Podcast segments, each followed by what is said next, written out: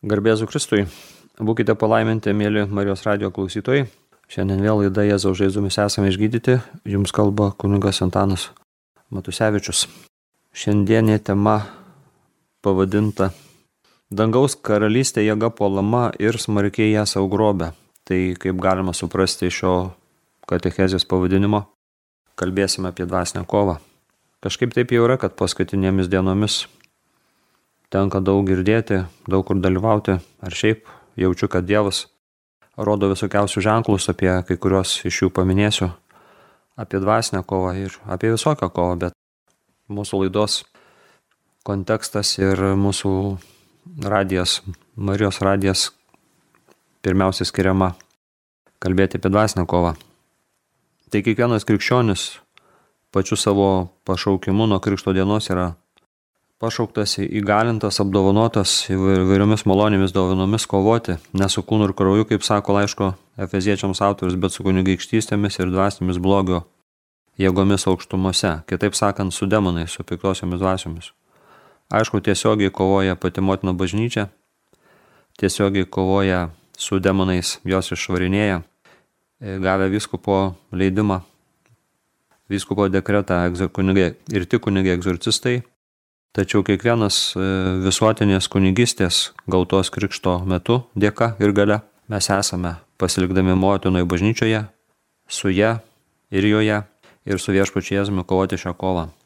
Tai pradėsiu nuo to, kad paminėsiu, jog tam tikrus ženklus viešpas parodė man, nes buvo neseniai prieš keletą dienų susirinkę egzorcistai, jų pagalbininkai, Lietuvos egzorcistų asociacijos nariai egzorcistai, kunigai ir jų pagalbininkai, kurie šią tarnystę padeda atlikti savo maldą ir kitokią pagalbą teikdami. Buvom susirinkę Truskavoje vienuolyne, ten klausėmės paskaitų apie dvasinę kovą, dalinomės, bendravome, truputėlį ir tokio laisvo laiko turėjome ir aplankėme vietą, kur prieš 160 metų, kalbu apie paberžę, kunigas Antanas Matskevičius išvedė sukilėlių grupę priešintis tam genocidui, fiziniam genocidui, dvasiniam genocidui, moraliam genocidui, tautiniam genocidui iš carinės Rusijos kaip agresorės, kaip okupantės pusės. Carinė Rusija paskui po sukilimo tiesiog tą genocidą toliau vykdė ištremdama sukilėlius, ištremdama žmonės į Rusijos platybės uždraudusi 40 ir 50 metų lietuvių kalbą, stengdamasi surusinti tautą, stengdamasi panaikinti net Lietuvos vardą, į žemėlapį ištrinti vadindama mūsų tautą ir mūsų krašto šiaurės vakarų kraštu. Sukėliai buvo žiauriai žudomi, tremiami. Tai vienu žodžiu mūsų tauta patyrė tikrai didelę nedalę, didelę nelaimę. Tai teko tam tikrą prasme prisiliesti prie šio sukilimo, aplankyti sukilimo muziejų. Taip pat paberžėje yra garsaus disidento, kuris su savo įsitikinimu, savo ištikimybę Kristui, jo bažnyčiai, tėviniai ir tautai, sovietinės valdžios buvo ištremtas į Rusijos platybės, konkrečiai kalbu apie e, tėvą Stanislavą, kuris ir toliau vykdė tą kovą, padėdamas daugeliui nelaimėlių, priklausomybių kamuojimo žmonių, patirti išganimą ir Dievo galestingumą. Na ir e, būdamas tame vienuolyne, Truskavoje, tame susikaupime, toje gražioje aplinkoje, varčiau vieną rytmetį savo Bibliją ir netyčia, norėčiau tą žodį netyčia ar atsitiktinai paimti tarp kabučių, tikiu, jog tai viešpatė ženklas, kad tai viešpatės vedimas ir kad viešpas leido man atsiversti Makabėjų knygą, pirmą Makabėjų knygą, kurią šiame mokyme, šioje katekezėje ir remsimės. Tai va toks kontekstas šios katechezės gimimo, šios katechezės išeimo į eterį.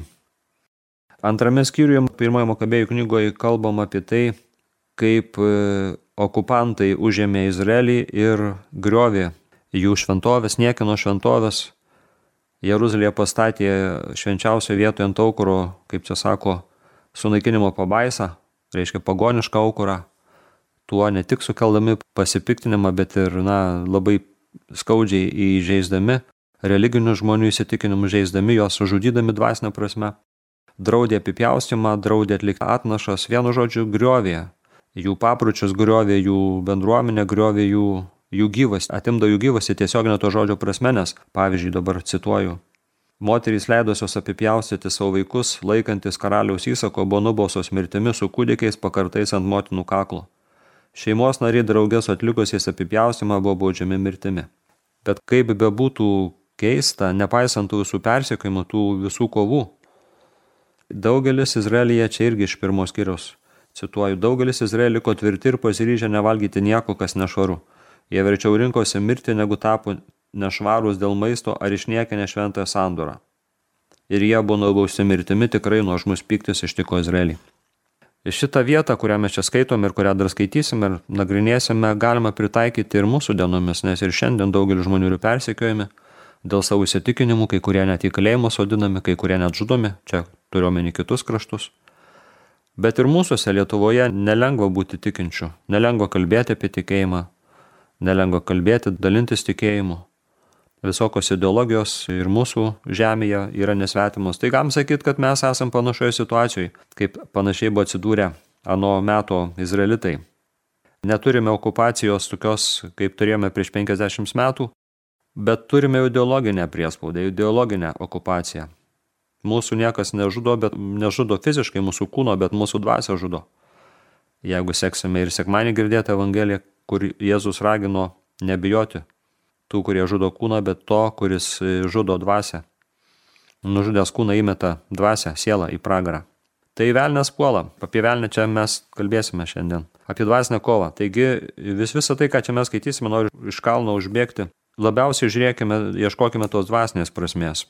Nes visų pirma, noras kalbėti ir visame matyti dvasinę prasme, dvasinę kovą. Ir būtent priešą piktąją dvasę. Taigi, nuožmus, kaip matome, Pyktis ištiko Izraelį, e, okupantai stengiasi juos nušluoti, stengiasi primesti jiems svetimus papročius, greuti jo religinius ir tautinius įsitikinimus. Ir izraelitai tikrai buvo atsidūrę nepavydėtinoje situacijoje.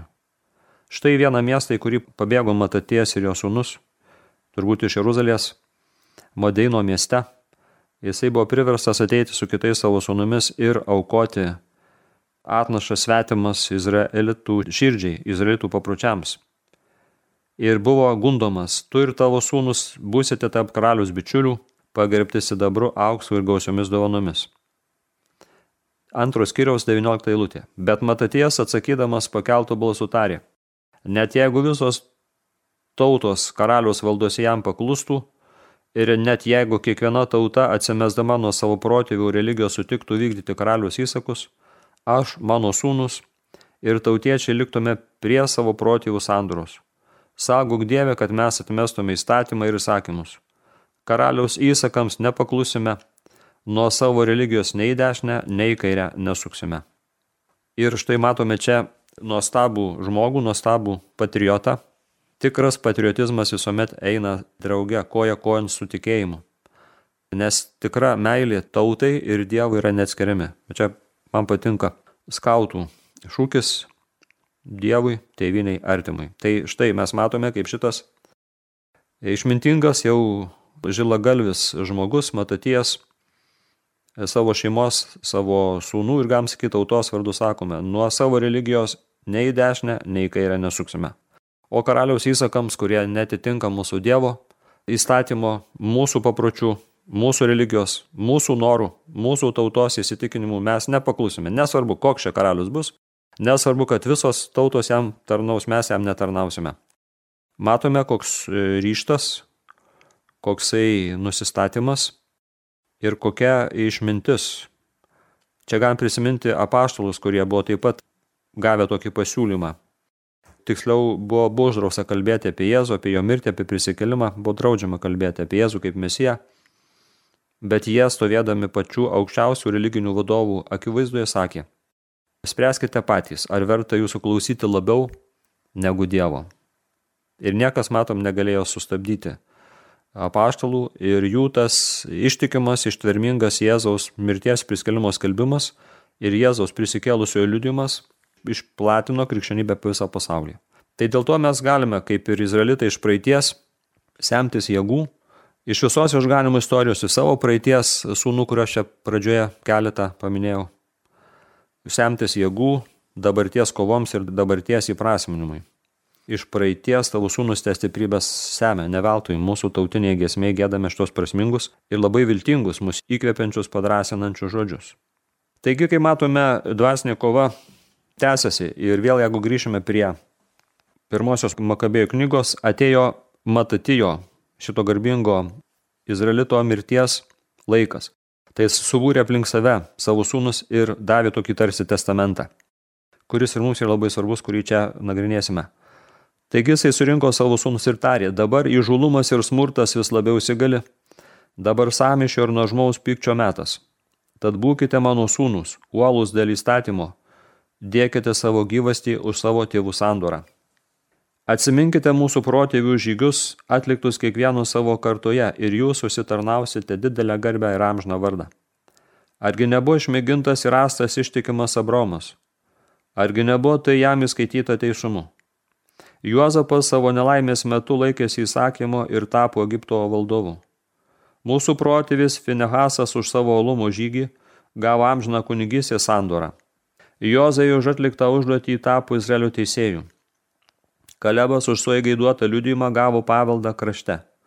Dovydas už dosnę širdį gavo karaliaus sostą kaip paveldą. Elijas už žuolio kovą dėl įstatymo buvo paimtas į dangų. Hananijas, Azarija ir Mišelis su savo tikėjimą buvo išgelbėti iš ugnies liepsnų. Danielius su savo širdies tyrumą buvo išgelbėtas iš liūto nasrų.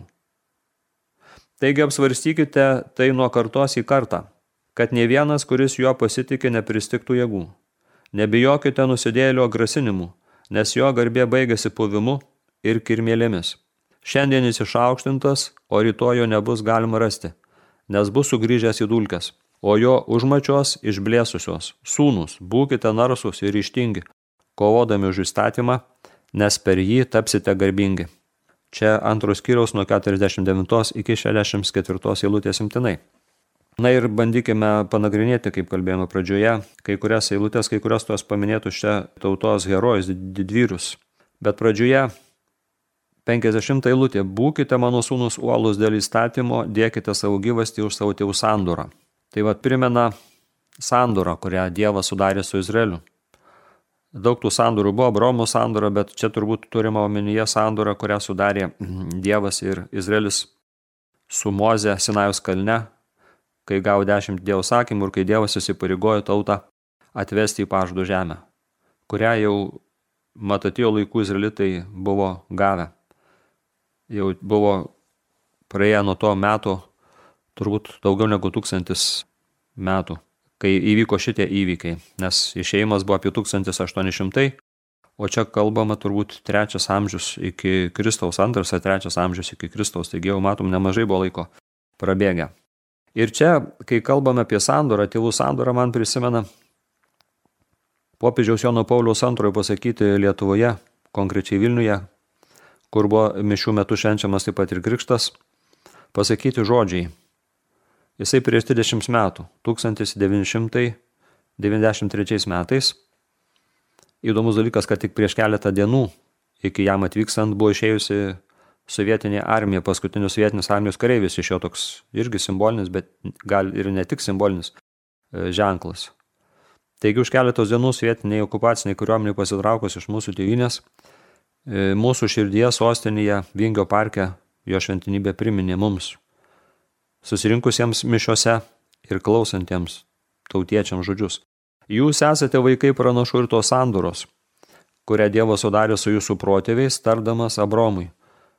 Tavo palikuonyse bus palaimintos visos žemės giminės. Tai šventas tėvas priminė mums, Lietuvos sunums ir dukterims apie sandorą, kuri buvo sudaryta su mūsų tėvais.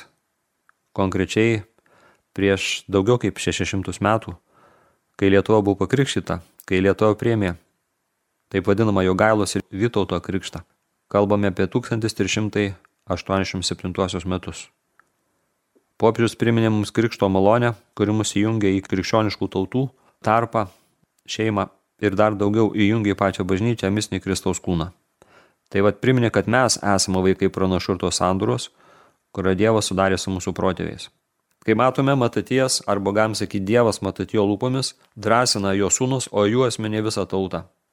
Būkite uolus dėl įstatymo, dėkite savo gyvastį už savo tėvų sandūrą. Nebijokite, kitaip sakant, nei kentėti, nei mirti. Kad įstatymas iš jūsų širdies nebūtų ištrintas. Kad niekas jūsų neįbaugintų ir niekas jūsų nenukreiptų nuo tyro ir švento bei ryštingo atsidavimo tarnauti sandoros viešpačiui, būti jam ištikimam. Toliau šitas šventas vyras, tėvas, garbingas tėvas, e, ragina atsiminti mūsų protėvių žygius, atliktus kiekvieno savo kartoje. Ir sako, kad tokiu būdu, atmindami savo protėvių žygdarbius, jų šventumą, jų ištikimybę, jų ištvermę, mes galėsime užsitarnauti didelę garbę ir amžiną vardą. Ir tada išvardino kaip kurios tikėjimo protėvius. Argi nebuvo išmėgintas ir rastas ištikimas Abromas, argi nebuvo tai jam įskaityta teisumu, klausė Matatijas. Prieš pradėdamas prie kai kurių šitų įstatymų didvyrių gyvenimo, trumpo gyvenimo apžvelgimo, noriu pasakyti, kad čia yra tam tikras modelis, nežinau, ar samoningai ar nesamoningai naudojamas, bet toks labai ryškus krintantys į akis pirmiausiai. Kalbam apie žmogaus kiekvieno praktiškai bešimties tam tikrą išmėginimą arba sunkumą, kuriame tas žmogus buvo atsidūręs. Po to to žmogaus ištvermę, ištikimybę arba pergalę, ištikimybę viešpačiui ir galutinę pergalę. Ir kaip viešpats Dievas laimina arba kokį vaisių ta ištikimybė atneša po to išbandymo arba to gundimo. Galima ir tai pasakyti. Tai štai kalbam apie Abromą. Abromas yra laikomas tikėjimo protėvių, ne tik izraelitų tautos protėvių, bet ir visų tikinčių tėvų. Kaip Dievas ir buvo jam žadėjęs, tavyje bus palaimintos visos žemės e, tautos, ką girdėjom ir anksčiau cituotame pašlų darbų 3 skyrius 25 lūtė. Vaikai esate pranašų ir sanduros, kurias Dievas sudarė su suprotėviais. Taigi, Abromas buvo mėginamas ypatingai tuo, kad kada iš jo nevaisingos visą gyvenimą žmonos stebėtinų stebuklingų būdų susilaukė palikonių, Izaoko. Ir štai berniukui paaugus, gal 12 metų sulaukus viešpats duoda turbūt sunkiausią Abromui išmėginimą, liepia paukoti Morijos kalne šitą berniuką, šitą vaikelį kaip deginamą atnašą. Ir tėvas neįsisukinėja, tėvas paklūsta. Anksti ryte atsikėlęs pasima vaikelį, malkas ir kopia į Morijos kalną yra, yra pasiruošęs paukoti savo sūnų kaip deginamą atnašą. Žinome, kuo visą tai baigėsi. Dievas pamatęs, kad Abromas eina iki galo, kad jo ištikimybė nesusviruoja, sulaiko per angelą jo ranką, Abromas paukoja avinėlį, kuris ten prie jo įsiraizgęs brūzginę. Ir Dievas jį dar kartą palaimina, primindamas, kad visi Dievo pažadai bus jame įgyvendinami. Tai Abromo šitas aukojimas, jis ne tik kalba apie Abromo meilę ir ištikimybę Dievui, bet jisai taip pat simbolinė prasme kalba ir apie Dievo meilę ištikimybę. Abromas buvo pasiruošęs atiduoti, paukoti savo sūnų, bet Dievo šios aukos iki galo paukotos nereikėjo, o Dievas paukojo savo sūnų, paukojo savo sūnų ant kryžiaus. Kaip toliai eina Dievo meilė.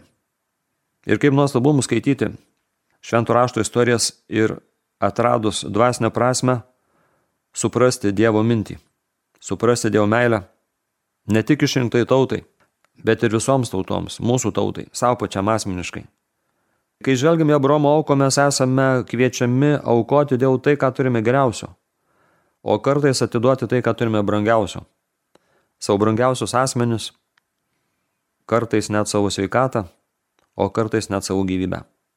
Ir matome, kokiu nuostabių vaisių atneša. Tokia ištikima iki savęs paukojimo atnaša, nes Abromas tikriausiai būtų sutikęs labiau paukoti save negu savo sūnų. Jam gyvybė buvo netokia brangi, koks buvo brangus sūnus. Taigi matome, kad jis sudeda Dievo pačią brangiausią auką. Ir iš to galime mokytis, kad Dievas laukia pačių didžiausių mūsų aukų. Nu kitaip sakant, Dievas trokšta, kad mes atiduotume jam savo širdį. Netruputėlį širdies, bet visą širdį ir ne kartais epizodiškai, priešokiais, bet nuolatos, kiekvieną dieną, net kiekvieną akimirką. Tai matome, kaip buvo nuteisintas šitas ir šiaip ganėtinai garbingas žmogus Abromas. Toliau kalbama apie Juozapą. Juozapas savo nelaimės metu laikėsi įsakymo ir tapo Egipto valdovu. Juozapas buvo sūnus, kuris gimė Jokūbui jo senatvėje, gimė iš mylimos e, žmonos, jeigu neklystų. Ir Juozapą tėvas labai mylėjo, bet broliai nekentė, kadangi tėvas jam buvo pasiuvęs gražesnį apsaustą. Ir dėl brolių pavydo, dėl to, kad dar ten sapnus paaiškino kai kurios, kur jie, broliai ir tėvas su motina turės jam Juozapui nusilenkti. Broliai pyko ir iš to pavydo pardavė Egipto nelaisvėn. Atsidūręs Egipte, Juozapas pateko pas faraono sargybos viršininko Putifaro namus, ten greitai įsigalėjo, Dievas laimino tuos namus, tą žmogų. Ir Juozapui net ir nelaisvėje būnant, vergovėje būnant, ganėtai neblogai sekėsi. Bet Putifaro žmona stengiasi jį sugundyti, sugulti su ją ir daug kartų, daugybę dienų vargino šitą teisų vyrą, o jisai visą laiką atsisakydavo. Galiausiai vieną dieną, kai po eilinio gundimo Juozapas liko ištikimas savo dievui, nesutiko svetimauti, nesutiko pasitikėjimo šito e, kilnaus egiptiečio Putifaro apvilti, pagavusi šio žmogaus Juozapo drabužį, nedora moteriškai apkaltino jį priekabiavimu, intencija ją išprievartauti ir Juozapas buvo įmesas į kalėjimą. Žinome, kad viskas gerai jam baigėsi, išaiškinęs e, faraono sapną, Juozapas tapo pirmų vyrų Egipte ir apsaugojo ne tik Egiptą, bet vėliau ir savo šeimą ir visą pasaulį nuo bado mirties. Ir matome, kad Juozapas buvo ištikimas visada ir visur. Ir tame gundime, kuris yra be ne pats svarbiausias, Putifaro žmonos gundime mes galime matyti tam tikrą simbolinį pasakojimą apie tai, kad pasaulis, tas dvaras, Egiptas, dvaras, tarsi pasaulio simbolis, mus gundo visokiausiais dalykais. Mus gundo malonumais, mus gundo padėti, mus gundo pinigais, mus, mus gundo visokiais kitokiais dalykais. Ir labai svarbu mums, kaip ir Juozapas, laikytis įsakymų, kad viešpat galėtų mus išaukštinti. Atkreipiame dėmesį, kad šitie visi žmonės, kuriuos čia minime, jie visi kovojo e, dažniausiai pavieniui, arba dar tiksliau sakant, per vieną žmogų, Net ir apibendrinant per vieną žmogų ypatingas palaiminimas ateina ne tik visai tautai Izraeliui, bet ir visai žmonijai. Palaiminimas, išlaisvinimas, išgydymas, vienu žodžiu pilnatvė, Dievo pilnatvė. Galim sakyti, kad tas Abromo palaiminimas, ne veltui čia pirmas paminimas, tampa palaiminimu visiems šiems žmonėms ir per juos visai žmonijai. Taigi Juozapas savo nelaimės metu laikėsi įsakymo, Dievo įsakymo ir tapo Egipto valdovu.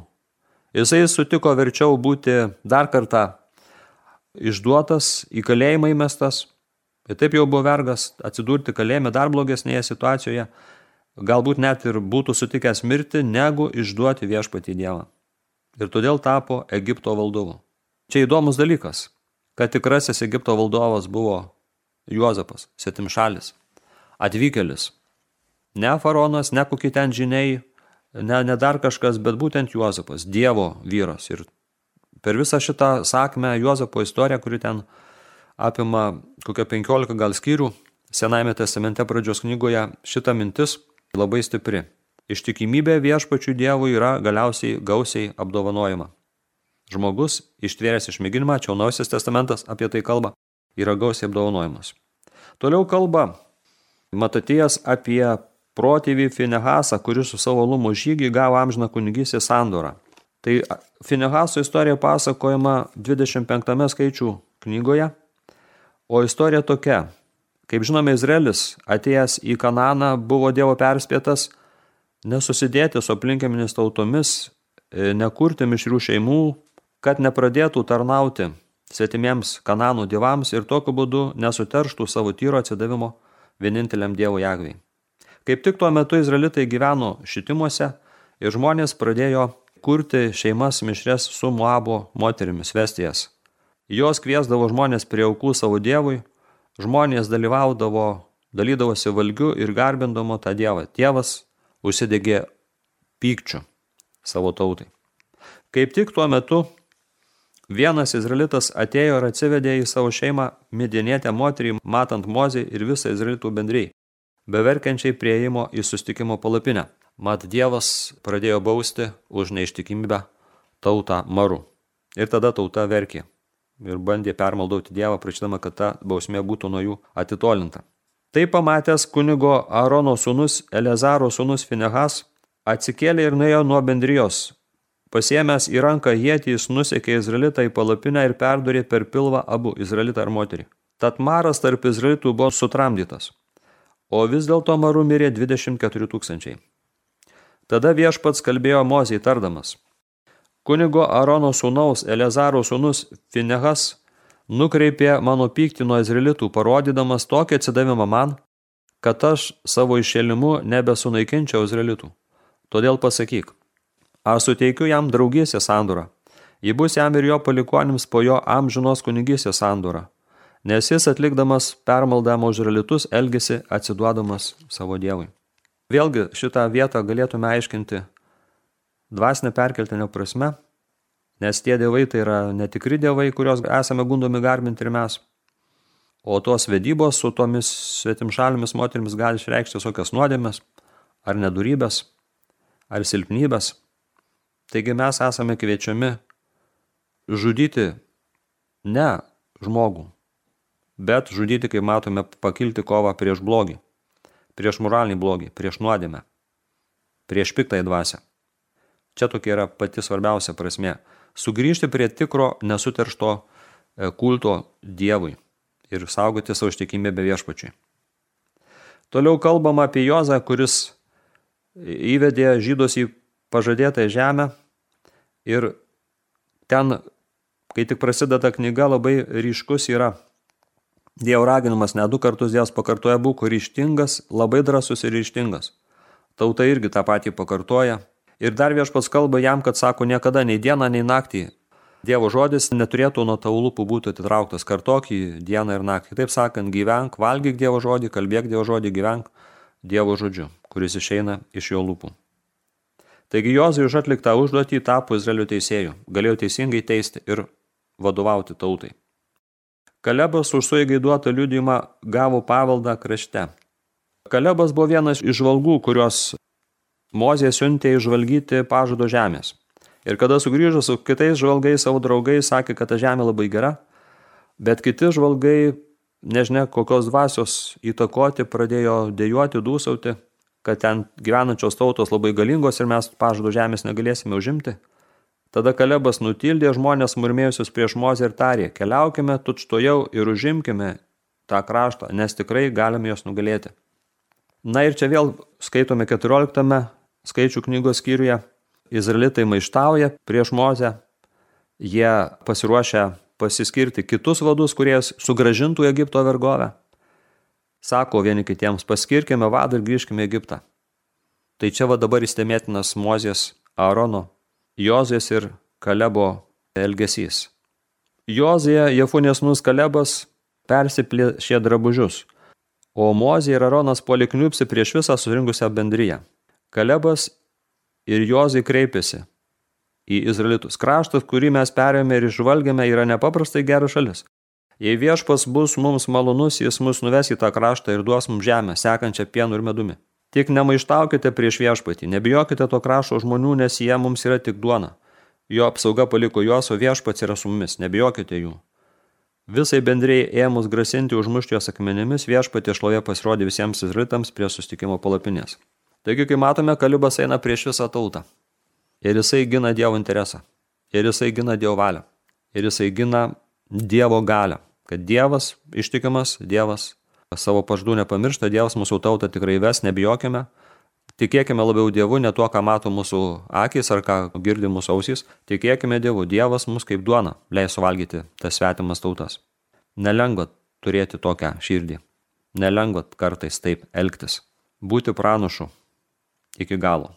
Minimas Dovydas, kuris už dosnę širdį gavo karaliaus sostą kaip paveldą. Dovydas minimas dėl to, kad kovojo su Galijotu ir nugalėjo jį apsaugodamas, išgelbėdamas Izraelį nuo didelės nelaimės. Dovydas minimas dėl to, kad užkariavo Izraeliui Jeruzalę, kuri tapo jo sostinė ir netgi Jeruzalė yra dangaus simbolis. Bet ypatingai kažkaip mane palėtė šiandien skaitytas breviorijo paskomas apie Abigailės ir Dovido sustikimą. Dovydas saugojo Abigailę, jo šeimą ir konkrečiai Nabalio, Abigailės vyro šeimą nuo visokių nelaimų.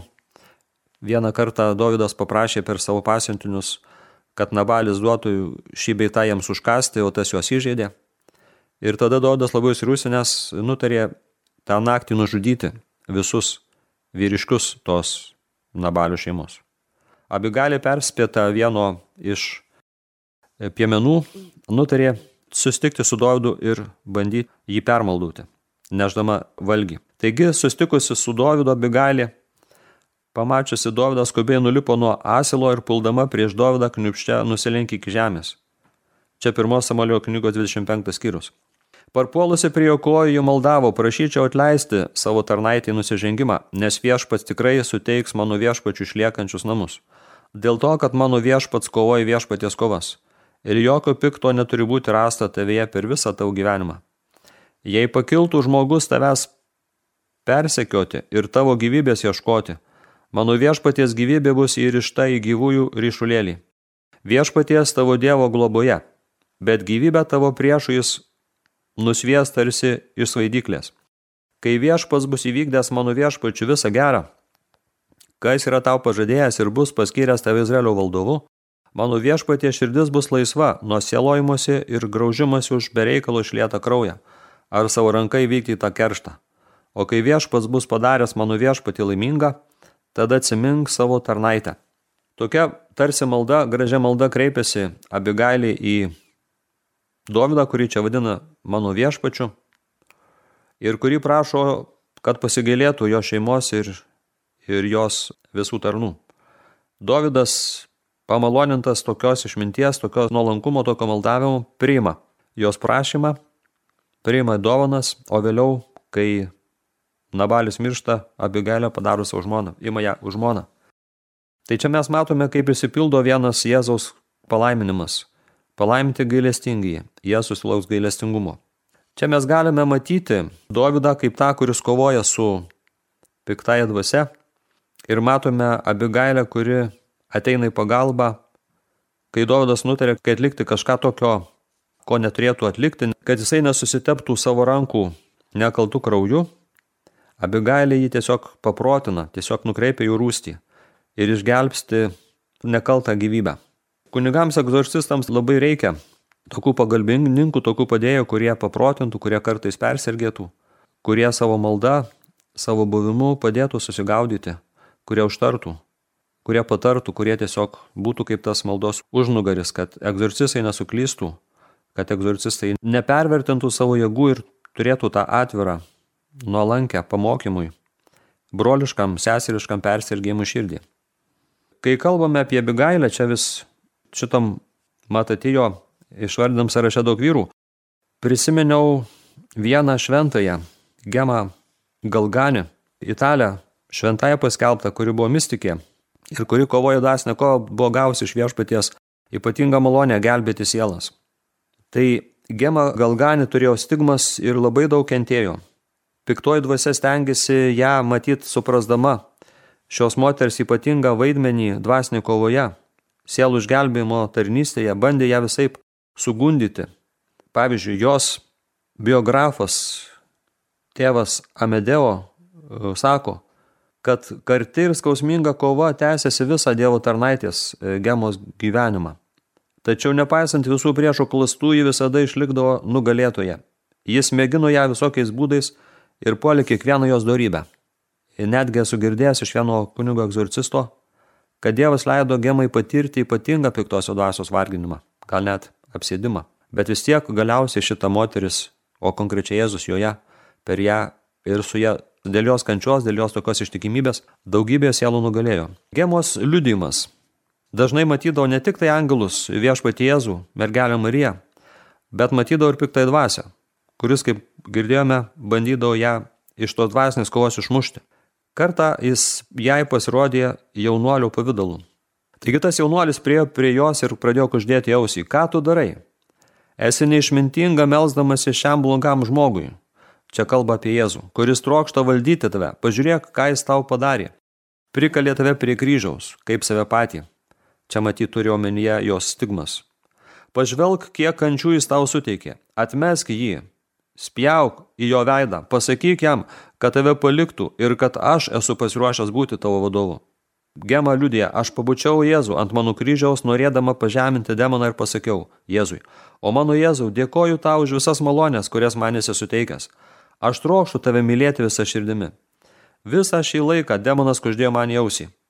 Kaip tu gali mylėti pasmerktą mirti nusikaltelį, vyrą, kurio nepažįsti? Pažvelk į mane. Aš esu puikus jaunuolis, kuris nieko neskaudina. Tuo tarpu anas vers tave visada kentėti.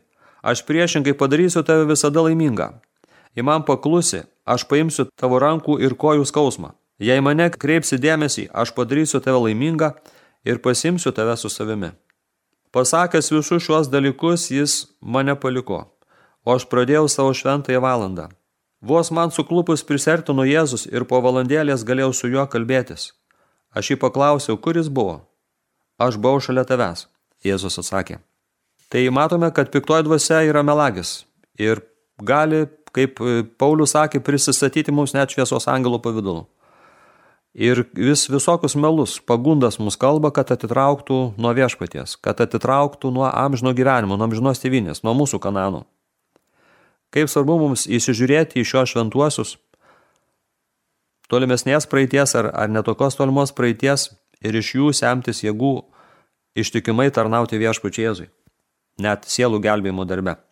Tarp kitko, jeigu kalbame apie dvasinę kovą, tai turiu pabrėžti labai svarbų dalyką. Kiekvienas, kuris ypatingiau imasi šios dvasinės kovos, tarkim, elgsis užtarimo malda, arba įsijungia pagelbėti egzorcistams tiesioginių kovoje, turėtų dažnai iš pažinties būti maldos vyras ir moteris ir būtinai turėti nuodėm klausy, dvasinį palydėtoją, su kuriuo viską savo gyvenime visokias netgi pagundas, dvasinės kovas aptarė.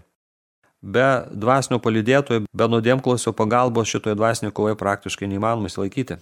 Matom, dideli šventieji turėjo dvasinius palydėtojus, dvasios e, pagalbininkus nuodėmklausius.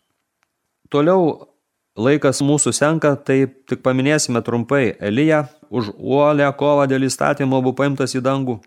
Žinome, kaip Elijas metė tautą iššūkį ir ragino jos apsispręsti už ištikimę be viešpačiai. Sako, šiandien pasirinkite, su kuo su balais, aštartėmis ar su mūsų protėvių dievu Jagve. Ir žinome, kad tauta pasirinko viešpatį, nors Ely po to teko be galo daug kentėti. Nuo Jezabelės, karalienės Jezabelės, pykčio ir keršto. Jis turėjo bėgti. Tačiau ir vėl, Horebo kalne viešpats jam davė nurodymus, apsireiškė kaip švelnus vėjo dvelgsmas ir davė nurodymus patepti naują karalių ir nuėjo pranašą vietoj savęs. Taigi, Hananijas, Azarija ir Mišelis už savo tikėjimą buvo išgelbėti iš ugnies liepsnų. Jie sutiko verčiau būti mesti į ugnį, negu išduoti savo protėvių dievą. Ir tuo davė gražų liudimą, nes karalius ir visas jo dvaras įsitikino, kad viešpats už savo tarnų ištikimybę juos išsaugo netgi ugnies krosnyje. Ir karalius paskui liepė garbinti Hananijo, Azario ir Mišalio dievą, kuris yra tikrasis dievas, kuris išgelbs savo užtikimosius tarnus. Danielius paminėtas, kuris su savo širdies tyrumą buvo išgelbėtas iš liūto nasrų.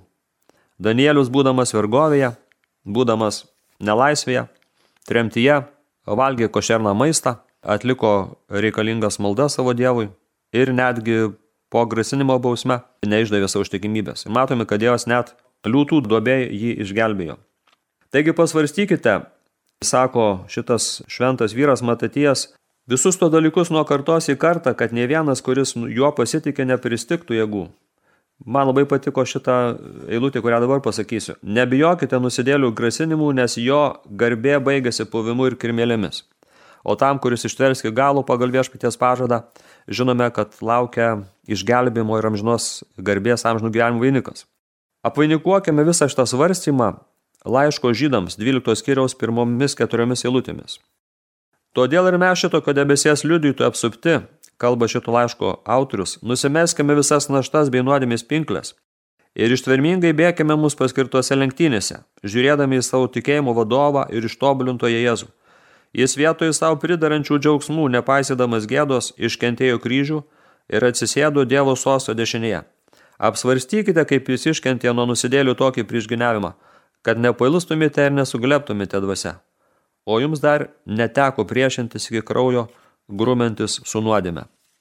Taigi žvelkime į viešpaties veidą.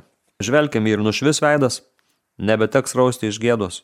Štai vargšo šaukės ir viešpats išgirdo, iš visų bėdų išvadavo. Būkite palaiminti, čia buvo laida Jėzaus žaidomis esame išgydyti, jums kalbėjo su jumis bendravo kunigas Antanas Matusevičius. Garbėzui Kristui.